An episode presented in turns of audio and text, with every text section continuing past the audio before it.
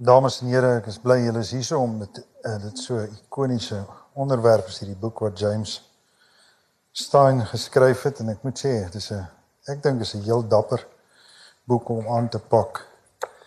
Ehm um, oor baie redes oor die soort van die prentjie wat die merkwaardige man in 'n ou se kop maak as jy nou oor hom praat en oor hom dink.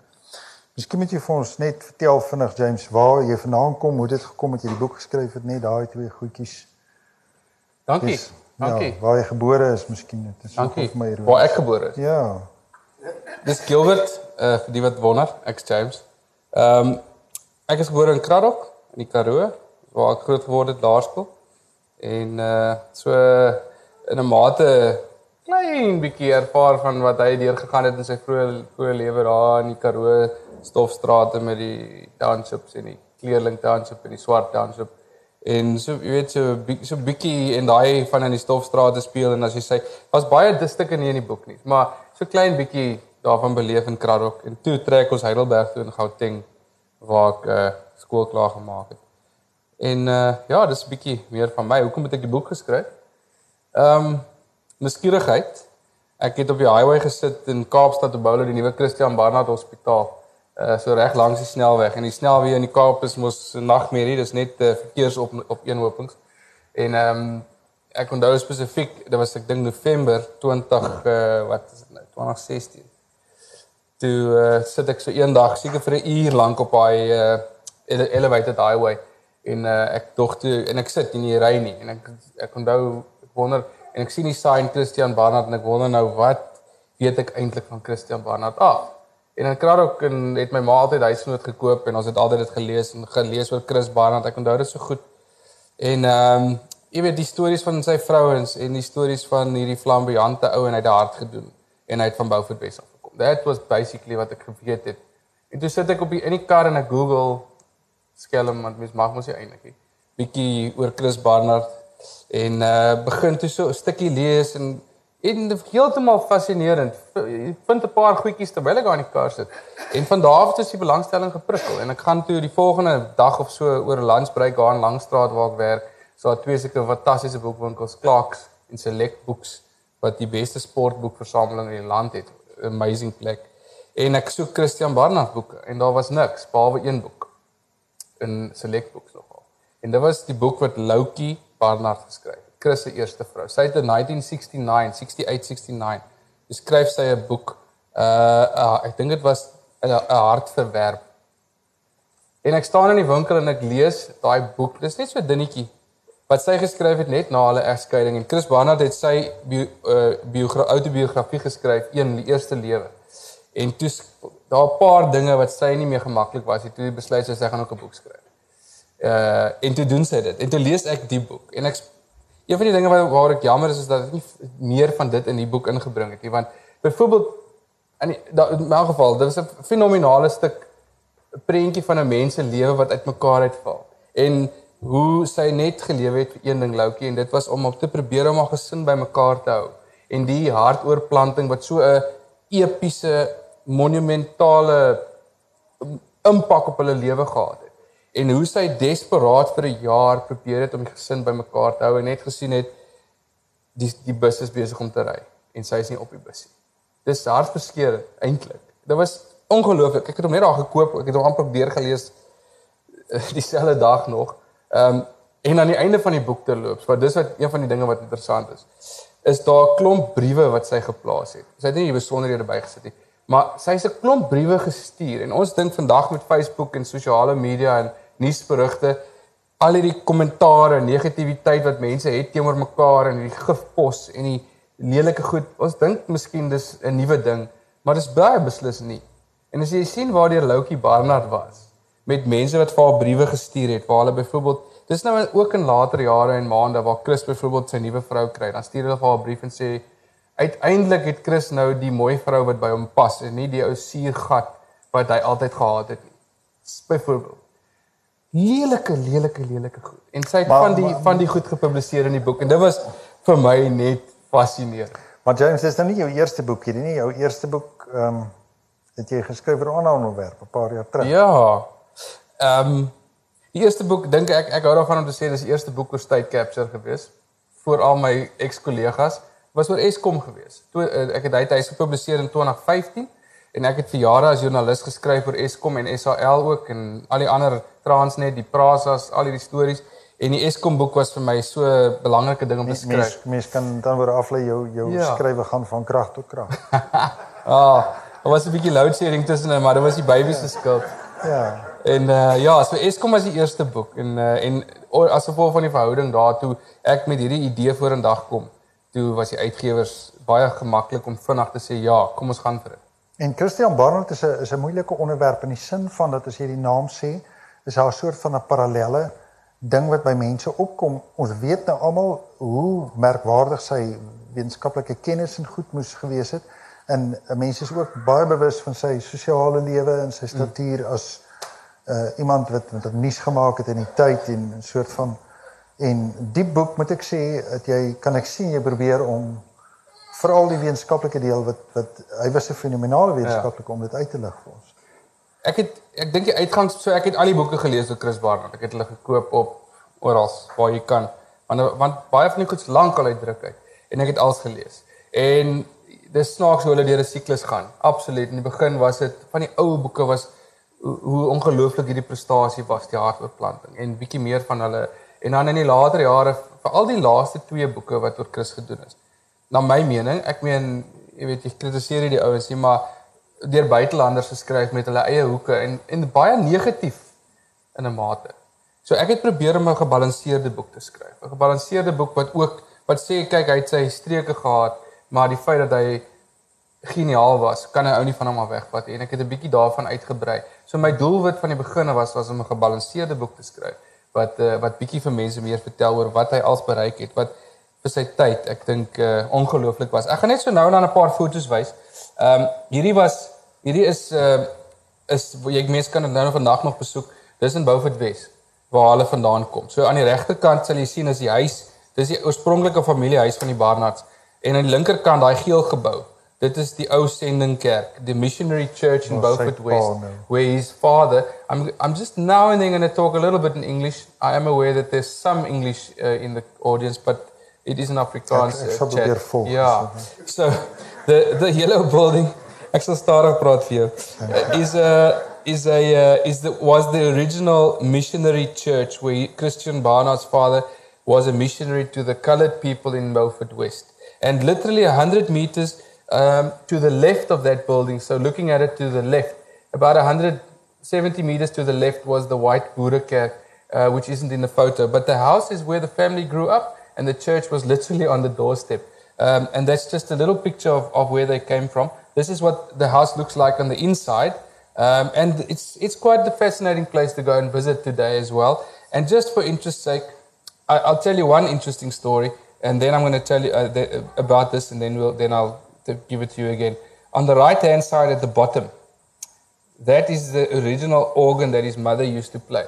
So uh, as jy nie, van die eerste autobiografie uh, biografie lees, dan lees jy waar sy ma, sy was so doof, sy kon nie hoor as haar man wat die dominee is, uh, sê wat die lied is om te speel nie en dan uh, moes Chris Barnard vir haar stamp en sê en dan begin sy net speel.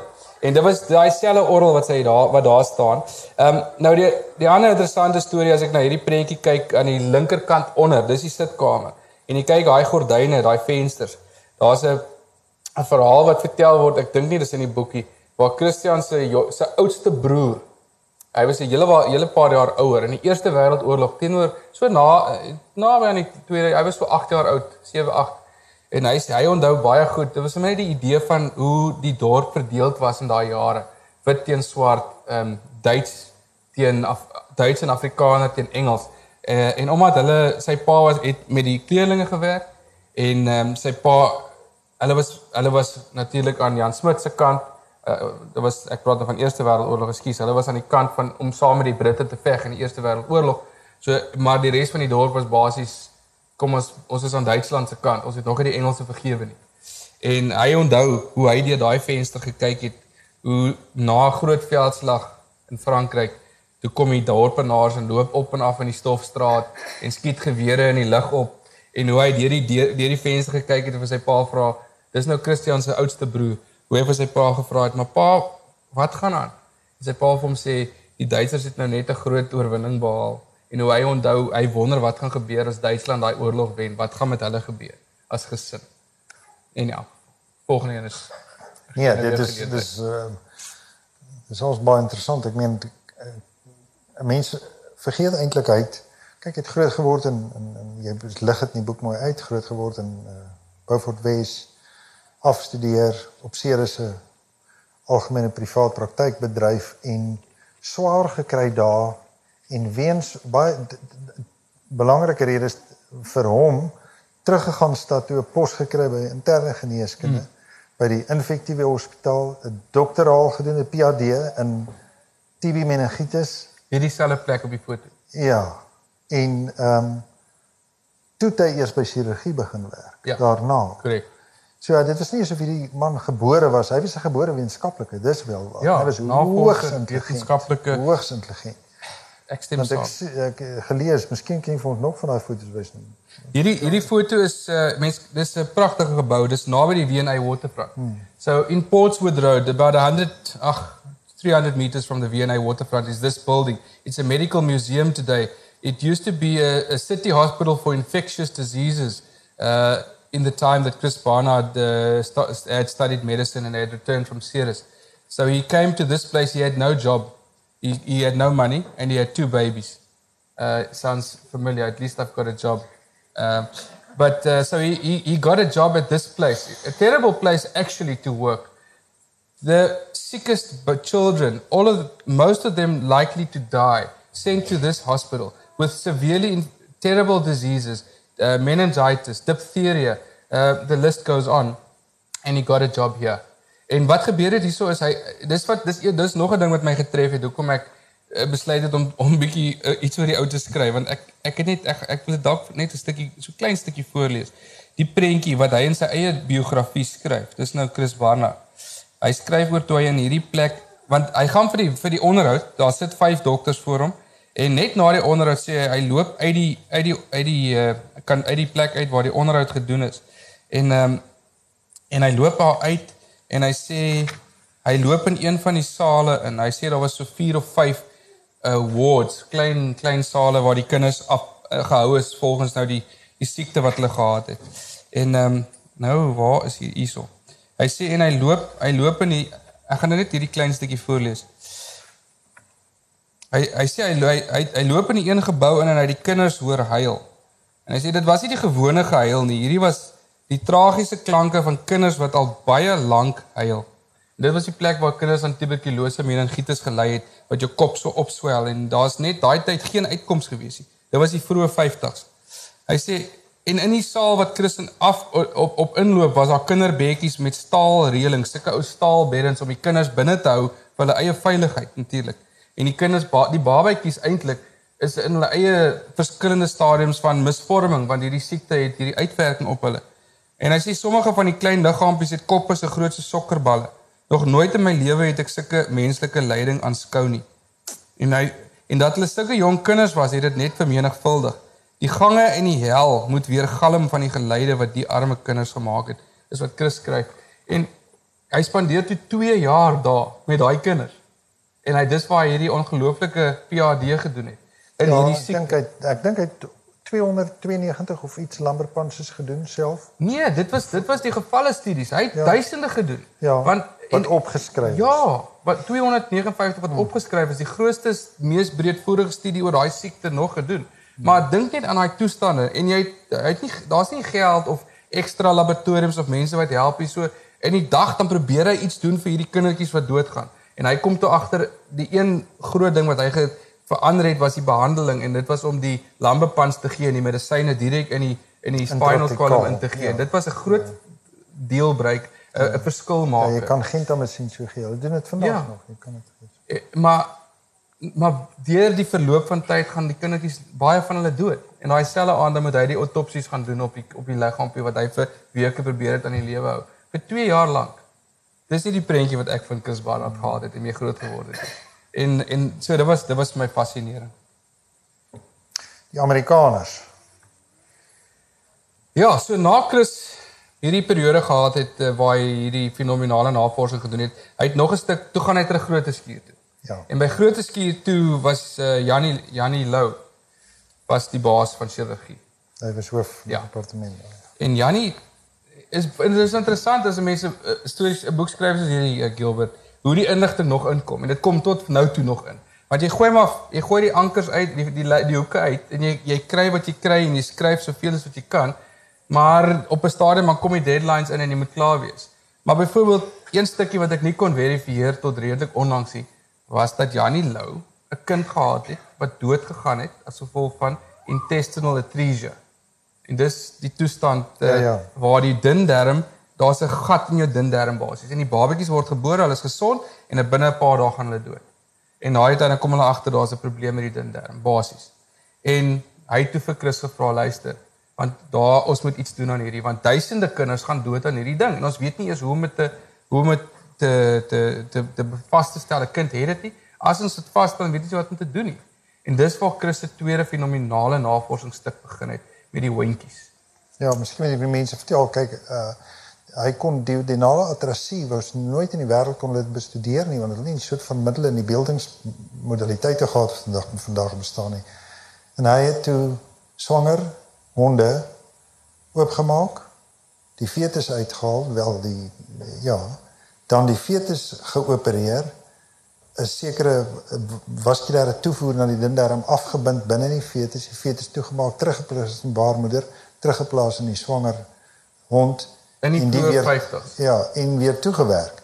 En hy het iets soos 158 valings of iets gehad ja. en toe die daaropvolgende een toe kan hy dit bewys dat as jy bloed toevloei probleme aan die dindarm met 'n kritieke ontwikkelingsstadium van die fetus intrauterien dan ontwikkel die toestand van duodenale atrasie wat 'n vernouing eintlik is in die, in die dindarm van die mense die babas kan eet nie, hulle gaan dood.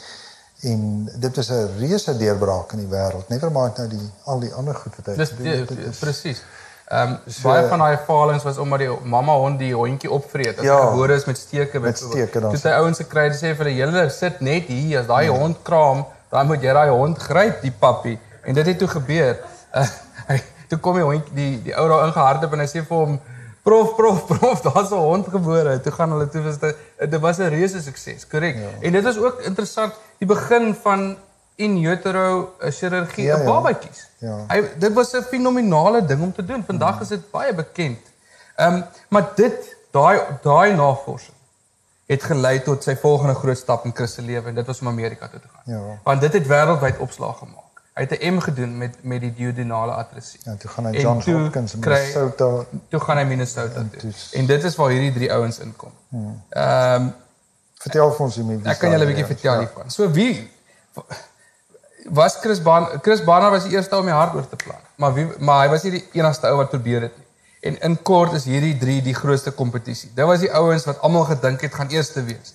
En die ou, die grootste ou op die foto, Norman Shumway, everybody, the whole world thought Norman Shumway was going to do it first because he had done the most research. He had done operations on hundreds of dogs. He was at Stanford University. And Richard Lauer to the left was his very close colleague, and he went to the University of Virginia where he started a program with the intention of doing the first human heart transplant. And Adrian Kantrovich on the left at the bottom was in New York, and he was the third person who the world thought if anybody's going to be able to successfully transplant the human heart person to person, it's going to be these guys. It can't be anybody else. These, th- this was the competition. And that, that's, that's the idea behind this photo. I'm going to expand a bit on it later. Just for interest's sake, Adrian Kantrovich at the bottom left performed the world's second heart transplant three days after Chris Barnard did his in Cape Town. Three days. Ja, nou mense miskien vir die mense, uh, jy weet, net die punt maak terwyl jy nou praat oor hierdie die- die- hoekom dit so 'n kritieke punt was in in in medisyne en hoekom Chris Barnard so uh daar's 'n baie mooi video klip van die man wat hy vertel dat die hartoortplanting is nie 'n genesende chirurgie nie. Dit is baie elegante stukkie inligting daar want as jy vir 'n pasiënt 'n nuwe hart gee, maak vandag selfs ook as jy vir hom 'n nuwe hart gee, dan maak jy nie die onderliggende patologie reg nie. Jy haal net maak net daai pompdeel reg, maar die siekte wat veroorsaak soos wat dit ook al mag wees, is voortskriend, dit herhaal dikwels. So ehm um, en om hulle daai tyd gedink aanvanklik dat as jy die hart kan vervang, gaan die siek pasiënt wat hartversaking het van 'n miopatie of wat ook al sy siekte was, dat hy genees gaan wees. En dit was nie so nie. En Chris Barnard het dit baie vroeg gesien. Hy sê dit in 1967. Jy kan gaan kyk op YouTube. Daai klip is baie bekend. AP ehm um, uh dit ja. is dit is baie mooi klip waar, waar ondersteun openbaar baie insig van die man. Ehm um, ekskuus. Nee, nee. Kyk, jy's jy, ek sou saam met jou stem en met jou bietjie verskil. En die rede is daar was baie sonder die hart het daai dood gegaan. OK. So dis die een punt. Die ander punt is met Wisconsin het hulle dit onmiddellik gesien. Toe daai nuwe hart daar is en bloed 100% of 80% of 90% vars skoon bloed deur die hele liggaam kan pomp. Die effek op daai man se stikkende liggaam was amper oornag duidelik sigbaar. Verskillende probleme, daai man was flenters. Hulle het, hy was so van die van die vloeistowwe byvoorbeeld dat sy hy kon nie omtrent nie staan nie. Hmm. Hulle moes pype gate in sy bene steek om die vloeistof te dreineer. En sy kleur was was af. Hy was hy was op sy sterfbed. Hmm. So en met die nuwe hart binne dae het dit uit dit verander. Hulle kon nie glo die omskakeling nie. Sy vrou ook. En dit is so so die impak van die hart, 'n 'n pomp van die sy ou hart het 10% van sy vermoë gehad. En die nuwe hart wat daai vars bloed deur die hele liggaam pomp dit het wel 'n impak sou ek argumenteer nee, op a, op 'n siek op 'n siek pasiënt. Natuurlik. Hierdie hierdie prentjies hierso is so hierdie was vir my ook uh, van die een van die lekker stories is die hond se kop wat hy oorgeplant het. Ja. Aan die link aan die regterkant bo, so die hond onder is die kop wat oorgeplant is op die groter hond bo. En nog 'n interessante storie wat later ingekom het Gibson wat ek nie in my boek het nie. Daai naam van daai klein hond onder se naam is Romeis. Dit het ek later uitgevind. En arme Romeis, dit was David die voor Greenpeace en al die ander omgewingsouens want dit sou vandag sal hulle toegesluit word. Chris Barnard het eers 'n ander eksperiment op Romeis gedoen. Hy het hom vergiftig. En Romeis is dood. En toe pomp hy al sy bloed uit my. Dis waar ek dit nou die op die inligting afkom. Hy haal al die bloed uit, sit nuwe bloed in en hulle het dit reg gekry om Romeis weer in die lewe te bring. En 'n dag of twee later toe doen hy die kopoorplanting op die arme hond. Dit was dit was nie 'n goeie tyd om Romeis te wees nie. Die foto onder is is maar net 'n interessante foto. Hy het ook eksperimente gedoen op xenotransplantation wat jy diere organe vat en jy plant dit oor in 'n mens want vir 'n lang tyd hulle gedink dit sal help en ons meer een van die groot probleme met orgaanoorplantings is die gebrek aan aan genoeg organe en diere was moontlike opsie om te ondersoek. So daai is maar net een van die snaakse fotos wat hulle gemaak het asof die Bobbejane pasiënt is. En uh, in Amerika het hulle ook 'n uh, het hy het hy nogal baie groot werk gedoen in later jare met um, met leweroorplantings. Toe hulle toe hy tydens een van die eksperimente vir die dokter wat hy het waargeneem te sê ek stel voor julle doen dit op 'n op 'n bobbejaan en julle pomp die bloed deur die bobbejaan om dit skoon te maak en terug in die mense. Jy sê die ander dokters vir hom maar jy weet um, dis dit klink bietjie malrag of dit kan jy sê nee dit gaan werk. Enigste probleem is jy moet net seker maak daai pasiënt word nie wakker en sien hierdie bobbejaan langs hom nie want dan gaan hy 'n hartaanval kry en doodgaan aan dit. Die foto bo links is 'n slegte foto, ekskuus, maar daai vrou in die middel se naam is Edith Black. Sy was die vrou wat die nieroorplanting gekry het wat Chris Barnard en sy span gedoen het. Omtrent 2 maande voor die eerste hartoorplanting, toe plant hulle 'n nier in haar oor as 'n oefening om te sien of die oorplantspan gaan werk. En daai vrou het langer as 20 jaar geleef. So hulle het, hulle het een nieroorplanting gedoen, Chris Barnard en sy span. Hulle het oor die koppe gegaan van die urologie departement, baie mense baie die hel in gemaak maar dit was 'n enorme sukses en hulle het altyd gespog hulle het 'n 100% sukseskoers gehad met niere maar natuurlik net een gedoen. Die foto onder links is die groot ding wat dit als begin het is daai masjien. Dit was die hartlong masjien en uh, en daai man wat daar staan was ook op die eerste hartspan. Uh, ek kan nou hoop kry kan ek nie sy naam onthou nie. Johan Goosen dink ek Johan van Heerden dis dis hy dankie um, en dit was dit was daai eerste hartlong masjien wat Chris gebring het van Amerika af en dit het dit moontlik gemaak vir jare kon hulle nie aan die hart werk nie want as jy hom sny dan gaan hy dan gaan die ou uitbloei. So jy moes so hulle toe hart operasies gedoen waar die ou nie oopgemaak is nie en toe het hierdie masjien dit moontlik gemaak om oop hart operasies te doen en in die hart in te gaan en te werk en dit het later gelei tot die hartoortplanting.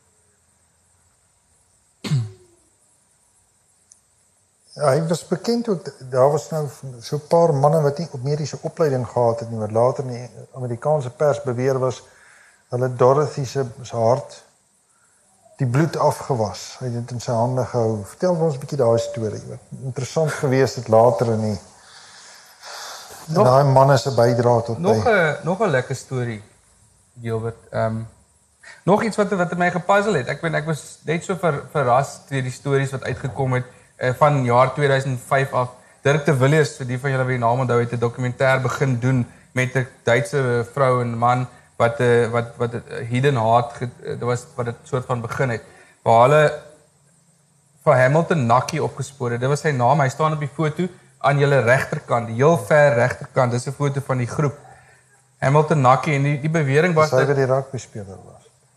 Hamilton Nakkie. Ja. Nee. Okay. Nee, ek gaan jou nou vertel. Ja. Prescott Madling ja, dis Prescott, was die rugby speler. Ja. Hamilton was is die ou wat hy is, hy het al die verering, hy ontvang Ja. baie verering nou. Daar's 'n groot plek in die stad na hom vernoem en so aan. En groot baie baie mense wat nog glo hy was by die eerste hartoortplanting betrokke. Maar maar hy was nie. Ja. Nou, wat is die waarheid? Chris Barnard het 'n 'n navorsingslaboratorium gehad wat terloops nie by Grooteskier Hospitaal is nie, maar by die Universiteit van Kaapstad se medis, mediese kampus wat seker so 'n kilometer verder weg is. En daar was die mediese laboratorium, navorsingslaboratorium waar hulle getoets het. Want hulle moes kyk, soos byvoorbeeld die honde wat hy so in utero gedoen het, dit was by die navorsingslaboratorium. Nou, daar was nie begrotings en geld nie, so hulle het 'n klomp ouens ingekry om te kom help. Jy moet die diere onder narkose sit, jy moet die diere voer, jy moet skoonmaak.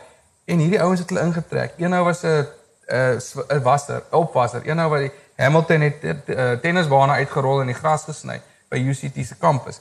En maar hulle het geleidelik daar by die navorsingslaboratorium hulle self gevestig en wonderlike werk gedoen. Naderhand kon hulle self oorplantings doen op honde. Hulle kon hulle narkoties nar, narkose toedien en so aan om die om toe te laat dat wanneer die chirurge inkom om te eksperimenteer, is die honde byvoorbeeld klaar oop onder narkose, dan kan hulle inkom sny, werk oefen, gaan. So hierdie ouens het wonderlike goed gedoen, maar hulle het nie mediese grade kwalifikasies gehad nie. En hulle was in geen manier betrokke daai aand van die eerste hartoortplanting nie. Ehm um, net 'n bietjie meer van hulle, die ou in die middel hier se naam is Victor Piek. Hy was eintlik die leier van die hele span. En hy hy het altyd 'n groot slagmes rondom hom rondgeloop. Hulle het hom genoem Big Vic. Hulle was baie bang vir hom. Ek gesien hy het lekker blomkool ore ook. Hy is dood in 1969 in 'n karongeluk en tragies het hy sy naam is heeltemal onbekend. Hamilton Naki is die ou wat almal se naam bekend is as gevolg van hierdie dokumentêr. Ehm um, een van die ander ouens wat nou nie op die ek dink is hy hier met die wit oë. Dis nie 'n baie mooi foto nie. Sy naam is Prescott Madlingosi. Ja. Hy het vir die Swart Springbokke rugby gespeel. Leeu luiperds. 'n klomp ja. 'n klomp van die ouens by UCT die die swart ouens was baie kranige rugby spelers. En hy was een van hulle. Hy was 'n hakker geweest. Hy was ook op die span geweest. En is snaaks want die die verbinding tussen die rugby en die harte ook want die die die narkotiseer op Christus span ehm um, nou kan ek die naam weer nie onthou nie was ook oud Springbok Cecil Maas oud Springbok uh, speler en en afrigter in later jare een van die mees suksesvolle een is in later jare hy is verlede jaar oorlede terloops Dis waar dis aan die linkerkant onder. That's that's the research laboratory where they did the research work that I just was talking about slightly called the J.S. Maree Research Laboratory. The big building at the back is die hartkardiologie sentrum wat hulle vir Chris gebou het. Die, uh, die uh, Anglo en die myne huise het vir hom 'n klomp 'n klomp uh, geld gegee om daai ding te bou, daai groot gebou agter. And at the bottom right is a, is a photo of Hamilton Naki again. Is dit die mo motorongeluk wat kom That that is nie Ham- nee, dis nie uh, ja. dis nie Big Vic se motorongeluk nie. Nee, waar hulle hom om raak gery. het. Dit is waar Denise Darwal raak gery is. Sy naam ma. O. This is in Main Road, Cape Town. Grote Skier, if you look down that road, straight down, that's the direction where Grote Skier lies. It's about a kilometer further. Dit was baie baie handig dat dit so naby aan die hospitaal gebeur het want die pasiënte kon vinnig gegaan het en gestabiliseer word wel Denise se ma was op slag dood. En dit het hier gebeur. Hulle het van ehm um, van die linkerkant van die pad oorgeloop en daar 'n kar karamelkoek gekoop en op pad terug, toe was daar 'n trok wat hulle pad versper het en 'n kar jaag agter die trok verby en trap hulle. En slaat vir hulle en slaat vir Denise se ma mors dood en Denise is net daar met ernstige breinskade hospitaal toe. Dis wat daar gebeur het. Dis hoe dit lyk vandag.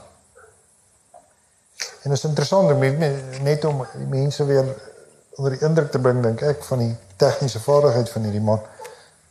As jy nou by die huis kom en jy nou vanaand tyd en jy vat 'n naald en garing en probeer twee strooitjies so head on aan mekaar vaswerk sonder dat hulle lek.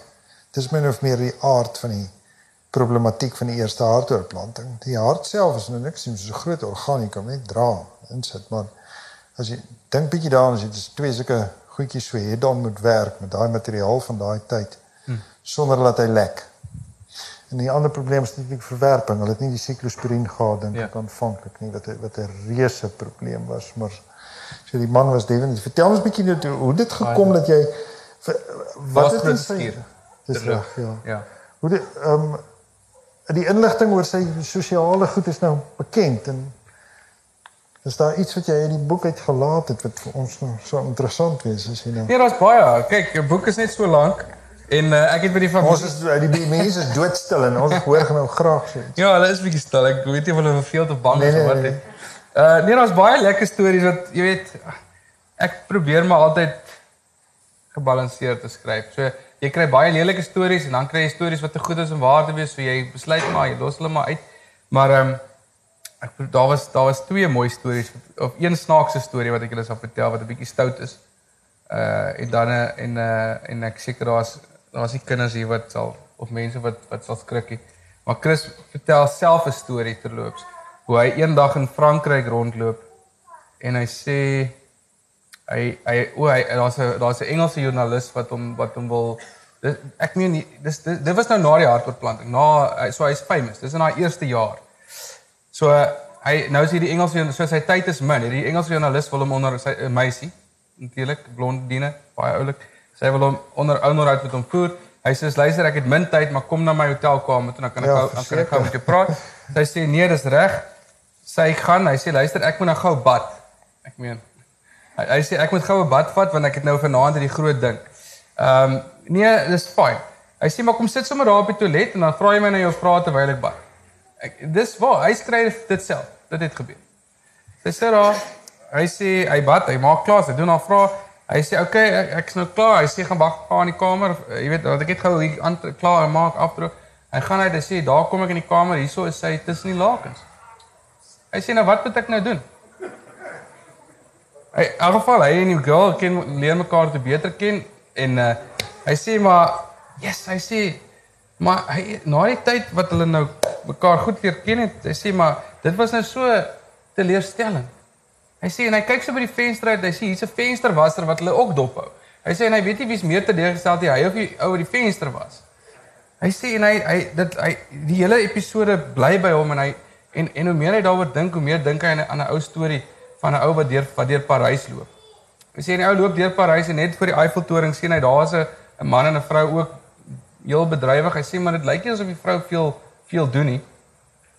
En hy's baie bekommerd en hy gaan na die polisie man toe en hy sê vir hom luister daar's iemand wat iets besig is om iets te doen met met 'n dooie vrou want sy lê net daar. En die polisieman sê no sir, she's not she's not dead, she's just English. Wow. Wow, goed. Vertel hy dit self, dink koste. Dit vertel hy self. Maar uh, die en dan die mooi storie. Daar daar was daar's daai is nuus daar wel. Ja. Uh, die meisie aan die aan die linkerkant bo. Die pyl is maar net om te wys hierdie hele groot the, the whole building to the left to the bottom. That's that came later. Grooteskier Hospital is by and large the big old part there with the red roofs.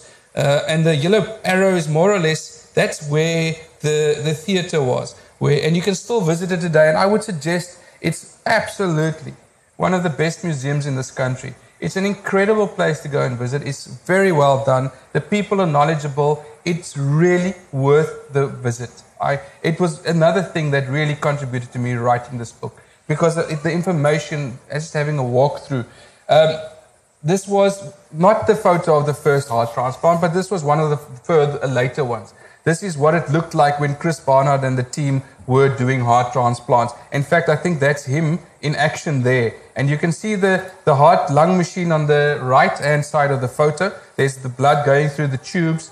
Very complex. They had two or three technicians full time working with that machine because if there's a problem with the machine, you can write the patient off.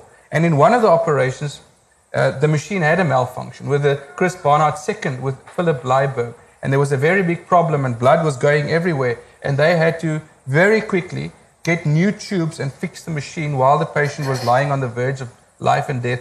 An, inc- an incredible episode as well. But all the green sheets and the patient lying there, it's just an interesting insight into what it looked like. This was just following the first heart transplant. So that's the team of, of experts who were trying to keep Louis Washkansky, who received the first heart, they were trying to keep him alive, very worried because, as you mentioned, the rejection was a problem they hadn't fixed yet. And uh, en hulle het maar daar in die koerante was natuurlik die wêreld vol oor die en ongelooflike ding in Kaapstad wat gebeur het. Ek gaan nou terugkom na dit toe. So die ander storie wat ek wou vertel, ehm um, in die argiewe van Stad Kaapstad uh, Universiteit Kaapstad kom ek af op al sy korrespondensie. En ehm um, daar's sulke pakke briewe en ek onthou ons het dit op skool gedoen. As iemand iets wonderlik gedoen het, dan skryf die hele klas skryf vir die vir hierdie dokter of hierdie astronaut wat ook al skryf ons vir hulle briewe en sê liewe meneer M Armstrong, jy's wonderlik. Ek wil soos jy wees eendag. En daar's sulke pakke briewe wat skoolkinders vir Chris geskryf het net na daar in daai eerste jaar na die hartoortplanting. En die een die een en natuurlik nee, almal ja, dit is maar kinders. Hulle is 9, 10 jaar oud hierdie spesifieke klas en ek het sommer deur hulle almal gegaan, maar dit is so oulik. My baie nie net so een velletjie. En dan skryf hulle: "Dear Professor Barnard, you are my hero" en so aan en so aan. Maar die, wat vir my uitgestaan het en ek's jammer ek het ek spyt ek het dit in die boek gesit nie. So die meisie was omtrent 9 jaar oud, New York, 'n skool in 'n klein skooltjie in New York City. En sy skryf en en, en haar naam is Fifi Ferguson. En uit al daai briewe uit wat almal dieselfde ding sê van hoe amazing jy is, sê Fifi Ferguson vir Chris Barnard. I think you are the devil because my father says you can't stay and stand on the corner of a pavement and wait for somebody to die just so you can take his heart. And I don't think what you are doing is right. Maar sy die enigste een uit daai hele klomp en dit was vir my oulik. Ek het daarvan gehou. Ehm um, en Christel het dit gehou, jy weet, al daai jare het hy dit gehou en vir my en 'n ander oulike brief wat in die museum lê wat iemand ook 'n my, meisietjie vir hom geskryf byvoorbeeld en gesê ek dink ek skryf dit in die boek van dear professor Barnard do you think in 1712 of that that girls can also become surgeons one day en uh, natuurlik Susan Vosloo is vandag 'n fenominale hartchirurg in Kaapstad en een van die wêreld se bestes. Ook maar Bloemfontein. ja. So hierdie foto is vir my interessant. Ek wonder hoeveel van julle weet wie dit is. Weet jy wie dit is? Mm -mm. Weet jy nie? Weet een van julle nie gehoor wie dit is? Is there anybody who knows who this is?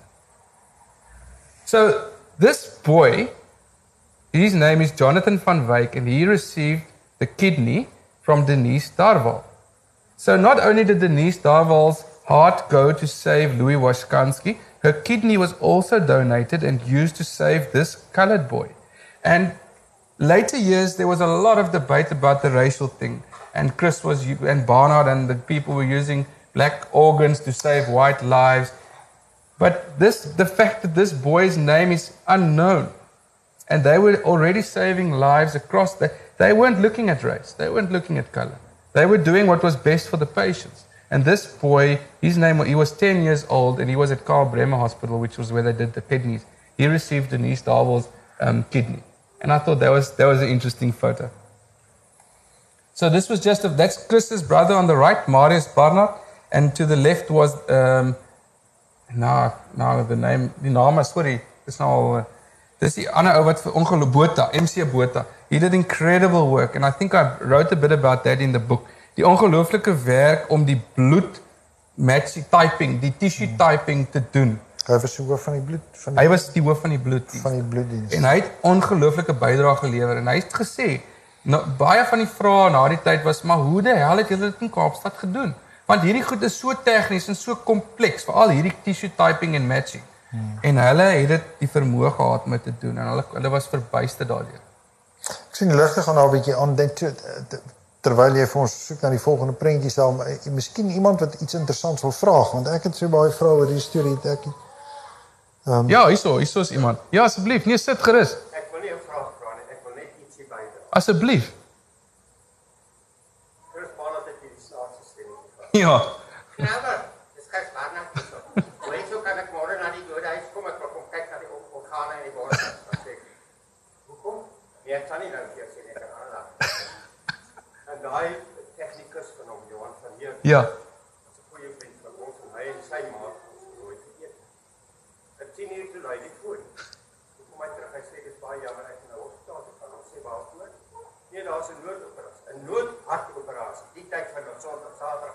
Ja.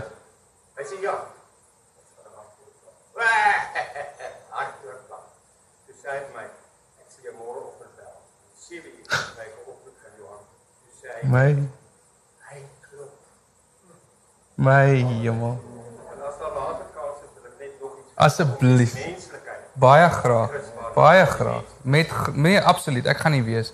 Ek waardeer dit. Baie dankie. Dis dis ja, asseblief. Ehm um, dis dis dis wat dis mens- dis wat dis hoekom ek hou van skryf. Want jy daar's soveel stories in hierdie land. There's so many stories, not just in this country but everywhere. And I'm crazy about stories. Look at this story again. En en elke keer mense wat jy ontmoet, you meet the most incredible people and they tell you the most incredible stuff. Gilbert byvoorbeeld, ek jy weet na die boek gedoen is, kom ek heel toevallig van my day job waar ek probeer om water te soek in die provinsie, so jy moet weet hoe crazy dit raak. Kom ek af op 'n plek in die Karoo in Lady Smith op 'n klein wynplaas waar hulle ons gesit het want ons moet maar oorslaap soms want is ver van die huis af. So toeval die toeval is so groot. Ek meen jy kan nie dit opmaak nie. En daar die eienaar van daai wynplaas se naam en ek ek ek, jammer ek ek vergeet die name. Hy was ook op Christus span maar later.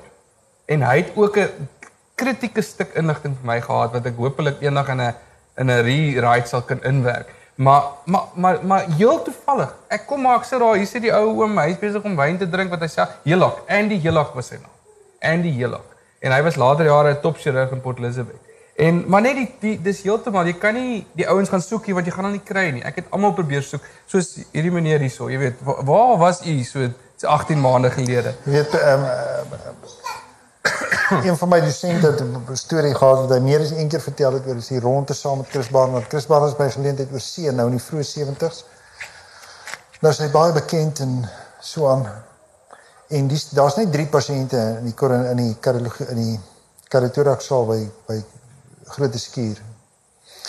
En hulle leer daai pasiënte uit hulle kop. Hulle kan elke moontlike vraag op elke vlak antwoord oor die pasiënt. En Chris Barnard kom terug na die naweek en hy doen rondes.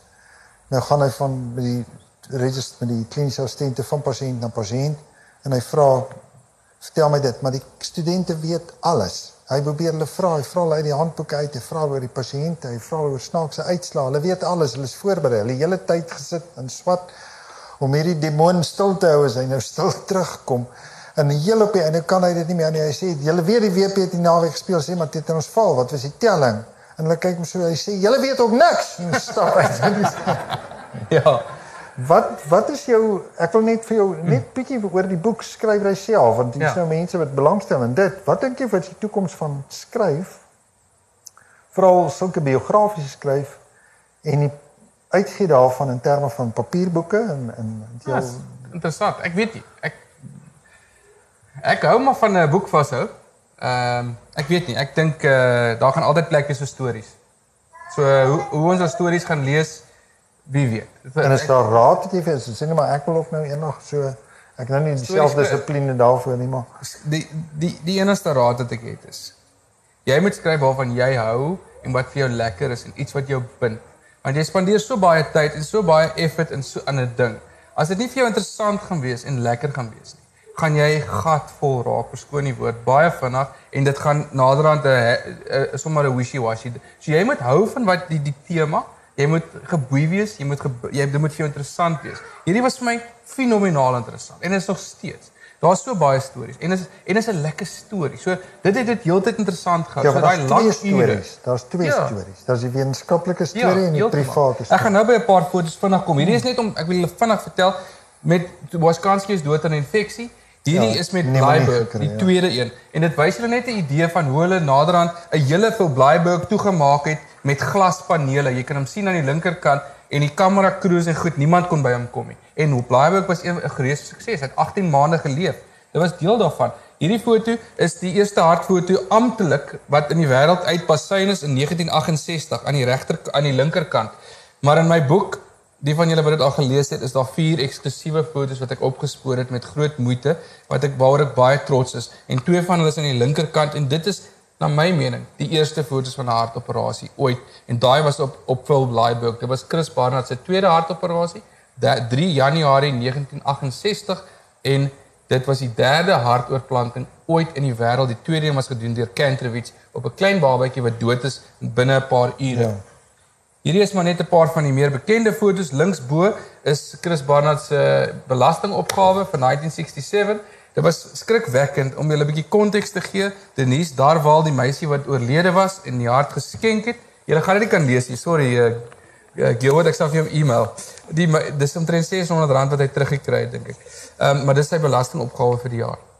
Denise Darwal was 'n bankklerk. Hierdie was 1967. Sy het maandeliks R200 verdien. Chris Barnard was 'n dokter met 5 grade waarvan 2 PhD's was en hy het net die eerste hart oorgeplant en hy het omtrent R500 'n maand verdien. En hy was sy lewe lank 'n staatsamptenaar. Hy het gewerk vir die staat. So hy het nie geld gehad nie. En dit is baie interessant en hy het, hy het in geld ingetrou. Later jare, jy kan vir Barbara Barnard sien links onder. Ehm um, vir die van die pos bo regs, abo links het Barnard gesê was die ou wat hom die meeste gedraak het in sy hele lewe and he really met everybody but the pope was the made the greatest impression on his life. And on the on the on the bottom left there's a nice story in the book where you can read about the Roman tailor um Angelo Latrico. That's just a photo of what Angelo looked like. This is just the two first wife and the second wife. On the left hand side Loki Barnard which was the first wife and the right hand side Barbara Barnard. She was 19 when they got married Chris at that stage was 47, and they were married for about 12 years when he also played the field a bit too much. There's some more photos. Uh, There's the field. The more. on the right at the top is, uh, on the left at the top is Sophia Loren, and uh, of course Grace Kelly to the uh, at the Red Cross ball. At the bottom uh, left is Gina Lola Brigida, for which he's most well known.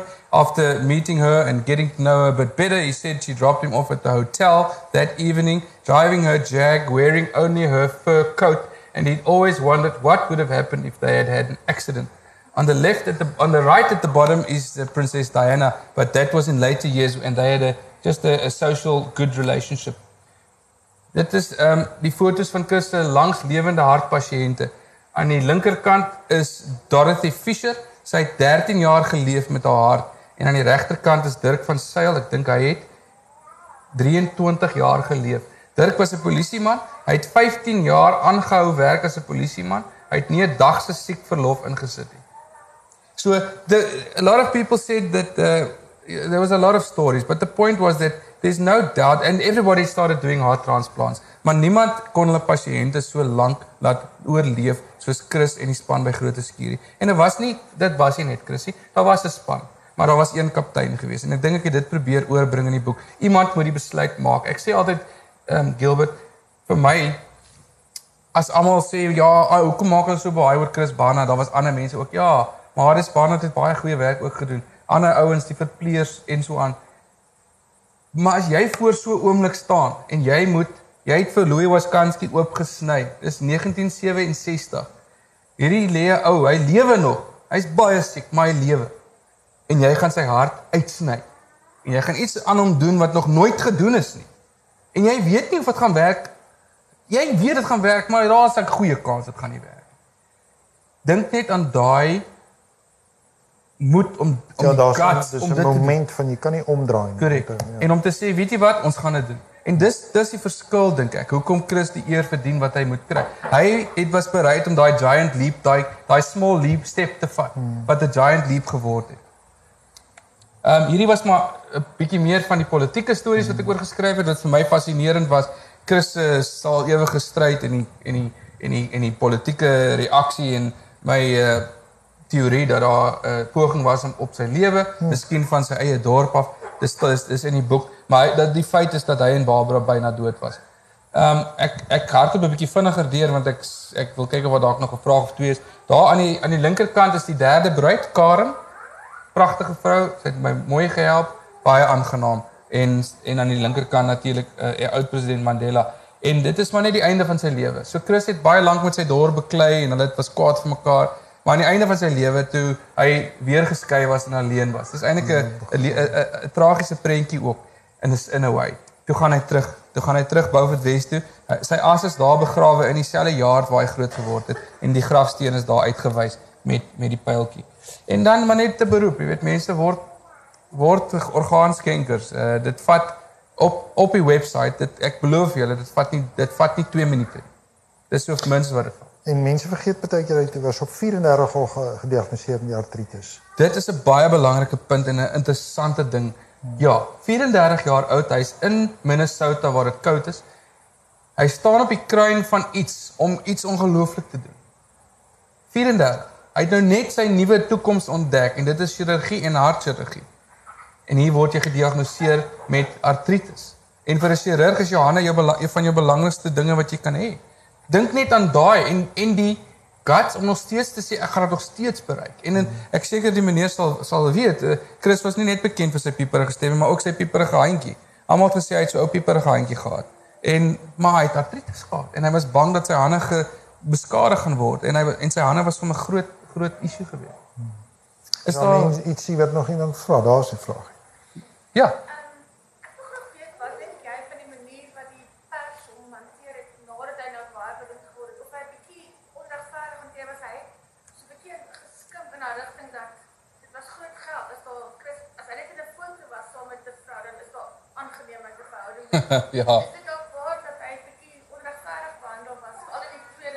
fase? Ja. Dis snaaks, nê. Nee. Ons wil baie bekend wees. So so die antwoord, daar's twee daar's twee kante vir die antwoord. Ons wil baie bekend en beroemd wees. En ons doen wat ons kan om dit te, o, ek praat nou van ons in die nie ek noodwendig nie, maar Die royal wat ek bedoel, die royal we. So en dan nou ek. dit is dit nie vandag nog so nie. So jy doen wat ook al stupid goed, jy jy gaan sing swing swing op 'n wrecking ball en jy trek tattoos aan en jy doen whatever om soveel as moontlik bekend te word. En dan as jy by kruin is, dan wil jy hê die media moet jou uitlos. En in 'n mate was dit was dit waar by Chris. Ek dink hy was hy was in 'n mate eh, baie antagonisties teenoor die media en in 'n mate was die media dink ek dikwels ook onregverdig teenoor hom baie beslis. Uh, en hy was ook baie vies omdat hy gesê het die media het nie hulle navorsing gedoen dikwels nie. Hulle het, en dis hoekom hulle het net op die salacious uh, stoute goed gefokus want dit is maklik om te verstaan. Maar die belangrike werk wat hulle ook gedoen het, het hulle nie op gefokus nie. En daar was byvoorbeeld 'n baie lelike storie wat ook in Dirk se dokumentêr, hy was nie regtig betrokke. Hy was net ek dink raadgewend uh, daarbey betrokke. Daar was 'n storie dat hulle swart mense se organe gevat het sonder om die families in te lig. En die koerante het een vrou opgespoor en sy en sy en hulle het haar familie opgespoor en gesê dat hulle haar hart gevat het. En dit was voorblaaie. Daar was vir weke was daar hierdie ondersoek, hierdie expose voorblaaie van hoe groot 'n skuur hier mense se harte vat en in swa- in witte sit. En die uiteinde van die saak is groot skuur moes sê maar daai vrou ons hulle want hulle het 'n anonieme daai tyd 'n ano- daai teen daai tyd 'n anonieme hulle het nie gesê wie die skenkers was nie. Toe moes hulle uitkom en sê die vrou was glad nie 'n skenker. Toe moes die koerante heeltemal van dientjie verander. Dit was 'n groot skandaal, maar omdat hulle so carried away geraak het, hulle het naderhand oral gegaan om te sê maar dis haar familie en hoe sy ingedoen is. Naderhand en toe kom dit uit dit was glad nie die geval nie. En toe sê hulle maar daar's reëls en daar's redes hoekom ons dinge doen en die manier wat julle die pers soms aangaan is is doen skade aan die hele idee van hartoortplantings en dit het. Dames en here, ons tyd is op. Ons moet klaarmaak. Hulle wil die lokaal hê. Twee saakies. Dis soos die boek lyk. Gaan koop die boek. Was baie interessant. Regtig. Hy het baie moeite gedoen James. Ek hoop die boek doen goed en en ek dis dankie dat jy vir ons vertel dat ons lekker kan luister. Dis 'n dit is 'n fyn goed nagevorsde stuk werk en dit vertel die storie veral van die wetenskaplike deel wat my nou baie interesseer. Baie baie elegant. En uh ek hoop dit gaan met jou goed verder. Baie dankie Gilbert, dit was lekker. Baie dankie.